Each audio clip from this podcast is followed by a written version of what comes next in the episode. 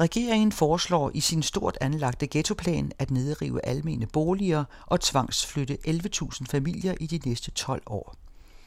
Boligkvarterer må efter 2030 højst rumme 40 procent fremmede, overvejende muslimer, men hvor skal de flytte hen, og hvem skal betale? Regeringen vil tage 13 milliarder kroner fra Landsbyggefonden, som lejerne selv har betalt gennem huslejen til renovering af egne boliger. Så nu breder protesterne sig i bolig- og lejerbevægelsen helt ind på Christiansborg, hvor Socialdemokraterne og Dansk Folkeparti afviser finansieringen. Dermed er store dele af planen selv truet af nedrivning, inden den i reduceret form ventes at blive vedtaget af et bredt flertal i Folketinget. Ove Weiss kommenterer. Seks gange på 24 år har skiftende regeringer med forskellige farve og parlamentarisk bredde fremlagt planer for afskaffelse af ghettoerne, som de kaldes, i gennemsnit en ny plan hvert fjerde år. Men ingen af dem har foreslået afskaffelse af selve navnet, det italienske ghetto. Første gang brugt i 1500-tallet om en jødisk bydel i Venedig, siden generelt om isolerede byenklaver for især religiøse mindretal, kulminerende med de bevogtede og berygtede jødiske ghettoer i Hitler-Tyskland og dets besatte områder, som foregår til nazistiske udryddelseslejre. Til med er ordet misvisende i dansk sammenhæng. Det dækker ikke realiteterne, i boligkvartererne på regeringens ghetto-liste, som i dag er den officielle betegnelse. For nok er procentandelen af beboere af, som det ofte siges, fremmed herkomst høj, og nok er der bred politisk forståelse for bedre sprog og andre kundskaber hos børn og unge, skærpet indsats mod social kontrol, mod et formørket kvindesyn i visse familier, for høj kriminalitet og andre skævheder, men reelt er der samtlige steder tale om blandet beboersammensætning. Alligevel er det bekvemt for dele af det politiske liv at fastholde det stemplende ghetto-navn. Erstatter man hyppige generelle omtaler af ikke mindst muslimer med jøder i flere publikationer herhjemme, især på nettet, genkaldes atmosfæren. For nylig foreslog Dansk Folkeparti afskaffelse af racismeparagrafen. Det ville under påberåbelse af ytringsfriheden give partiet større rum til sproglige udfoldelser i udlændingedebatten. Den anden radio har tidligere set på, hvad der med lidt god vilje kan kaldes den pædagogiske del af regeringens 22-punktsplan for særligt udsatte boligområder i forsøg på at bringe børn og unge ud af isolerede miljøer. Obligatoriske dagtilbud inden skolestart, bedre fordeling i daginstitutioner og skoler, sprogtest fra 0. klasse, sanktioner mod dårligt præsterende folkeskoler, styrket forældreansvar og flere andre ting. Når det gælder den fysiske del af planen, er et af de mest kontroversielle forslag tvangsfjernelse af 11.000 familier inden 2030 ved nedrivning af deres boligblokke, ikke af saneringsgrunde, men for at bringe procentdelen af almene familieboliger overvejende med muslimske lejere under 40 procent. Men her synes ghettoplanen selv at stå for en nedrivning, for spørgsmålene melder sig. Hvor skal de tvangsfjernede flytte hen? Er genhusning realistisk på 12 år? Hvem skal betale omkostningerne? Hvad siger de lokale boligselskaber og berørte kommuner? Er det muligt at samle politisk flertal for den del af pakken? Og vigtigst af alt, har deportationen overhovedet effekt? Eller spurgt med Viggo Hørups ord, hvad skal det nytte? Gunvor Christensen, som er boligforsker ved VIVE, det Nationale Forsknings- og Analysecenter for Velfærd, siger, at der ikke er forskningsmæssigt belæg for, at tvangsspredning for folk i uddannelse eller i arbejde og dermed ud af fattigdommen. Hun peger i stedet på boligselskabernes sociale indsats. Og direktør Michael Demsits boligkontor Danmark, der administrerer over 26.000 almene legemål, skriver i en kommentar i Berlinske, citat, det er ikke en bestemt adresse, der får integrationsprocesserne til at fejle, men den manglende interaktion med resten af samfundet. Citat slut. Her nærmer vi os en væsentlig årsag til, at dele af regeringens ghettoplan vakler, før den er kommet op at stå.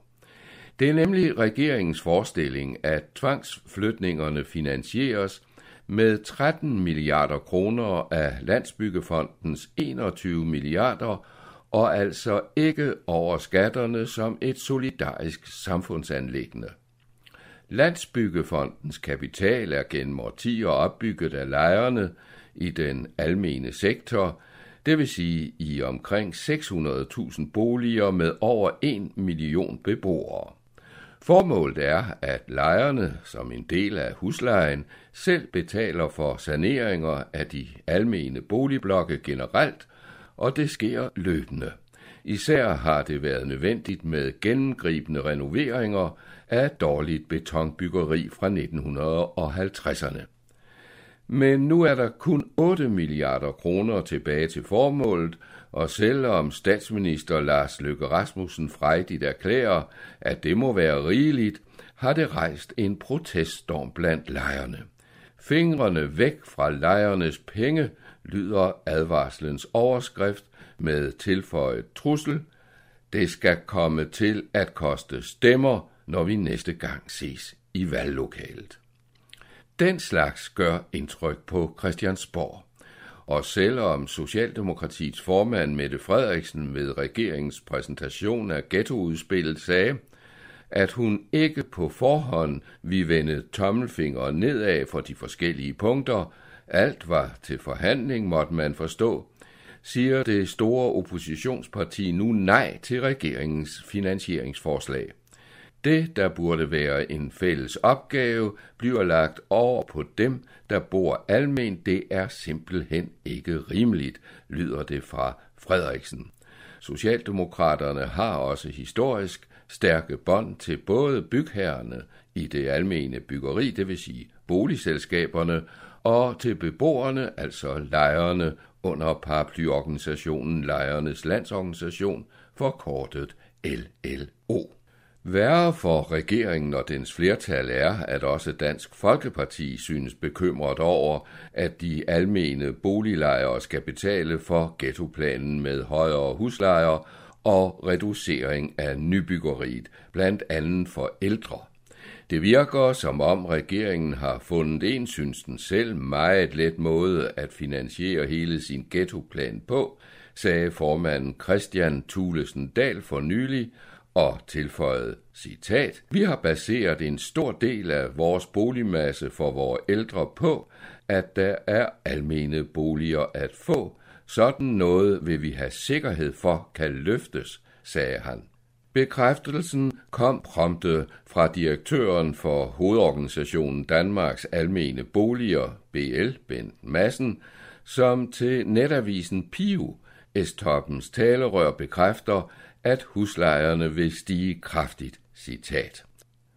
Når Landsbyggefonden ikke kan støtte, må beboerne mange steder forsøge at finansiere umiddelbar afhjælpning af for eksempel skimmel, og det giver huslejestigninger.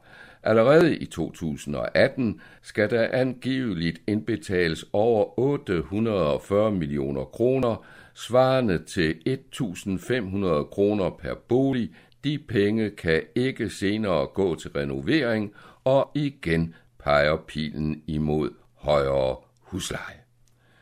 Bedre for regeringen er det ikke, at en lang række borgmestre med forskellig partifarve advarer mod både nedrivningen og den foreslåede finansiering. Det gælder blandt andre S-borgmestrene i Odense, Aarhus og København, konservativ Michael Siler i Høje Tostrup og de to venstre borgmestre i Esbjerg og Kolding. Sidstnævnte Jørgen Petersen har jo et god grund til at fremhæve, hvad han heller ikke forsømmer, at hans kommune i stedet for nedrivning har totalt renoveret større almene boligkvarterer, gjort dem attraktive og dermed sikret en bredere beboersammensætning. Argumenterne praller af på boligminister Ole Birk Olesen fra Liberal Alliance. I et skriftligt svar til Berlingske skriver han citat, Vi forhandler netop nu med Folketingets partier, men regeringens forslag vil ikke medføre ændringer af huslejeniveauerne i den almene boligsektor. Boligministeren ser til synlædende bort fra sit skrøbelige parlamentariske grundlag, eller forestiller sig, at truslerne fra DF's afgørende mandater er lige så tomme, som de før har vist sig. Men samtidig skal flere elementer ind i vurderingen af den spejede sag. Inden Ole Birk Olesen blev valgt til Folketinget i 2011, var han en flittig redaktør af den ultraliberalistiske netavis 180 grader, som han i øvrigt selv stiftede med økonomisk bistand fra Saxo Bank og dens daværende direktør, Lars Seier Christensen, fra begyndelsen en af Liberal Alliances økonomiske veløndere. Birk Olesen har sammen med sit parti været kraftig modstander af statsstøtte til den almene sektor, hvis lejere altså nu skal finansiere store dele af hans og regeringens ghettopakke. I LA's partiprogram er det frie boligmarked et must. Så sent som i 2015 vedtog Folketinget under modstanden fra Liberal Alliance, at kommunerne kan reservere op til 25 procent af alt nybyggeri til billige almene boliger, så storbyerne ikke udvikler sig til velhaverghettoer. Meget tyder desuden på, at boligministeren næppe selv får lejlighed til at følge sagen til dørs. Folketingsåret går på held, og når partierne mødes til oktober, er valgkampen reelt i gang med forhandlingerne om finansloven for det forventede valgår 2019. Og LA er trængt på flere fronter. I 2015 modtog Liberal Alliance ikke færre end 9 millioner kroner i privat partistøtte. I 2016 var beløbet styrtdykket til under en halv million. Med brudte løfter om topskattelettelser og andre fordele for de højeste indtægter, er LA blevet et dårligt investeringspapir for erhvervstoppen. Partiets aktier er i frit fald. Det samme gælder vælgertilslutningen, som i meningsmålingerne er mere end halveret siden folketingsvalget i 2015. Det betyder ikke, at udsigten til et bredere forlig om ghettoparken fortoner sig. Udlændingepolitik, når ikke mindst utrygheden ved parallelsamfundene, vil fortsat have højeste prioritet både hos partierne og vælgerne. Visse dele af pakken er for mange grænseoverskridende. Nogen synes i strid med retssamfundet, for eksempel forslaget om dobbelt straf i bestemte zoner, hvis effekt til syvende og sidst beror på domstolenes afgørelse. Andre punkter i planen bærer præg af symbolpolitik, hvis konsekvenser, som det er set før, er mindre synlige og målelige. Så alt tyder på, at regeringen med nødvendige tilpasninger finder sammen med Socialdemokratiet, SF og formentlig radikale venstre i givet fald med enhedslisten og alternativet som eneste opponenter. Men uden en solid finansiering bliver den nye ghettoplans betydning for integrationen næppe større, end den har været med de fem foregående. I et land uden høje bjerge, hvor det både regner og sneer, skal jeg leve mine dage og dø den dag det sker. I en plet på verdenskortet, som ingen som let kan blive borte, når vi ikke mere har fred. Mit flag har hverken stjerner, hammer eller sejl. Det dumpede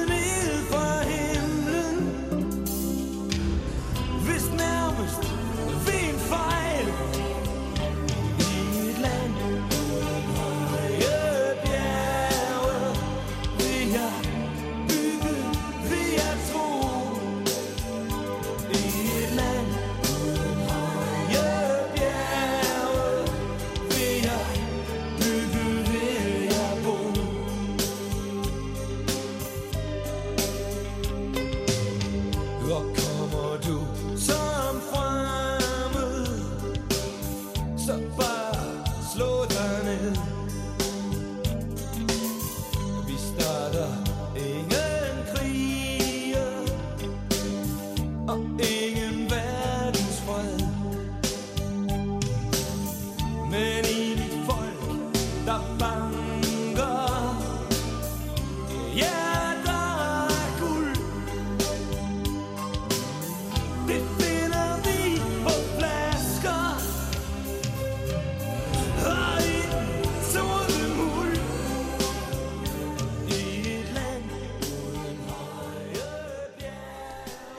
hørte Ove Weiss, og musikken var med Michael Falk i et land uden høje bjerge.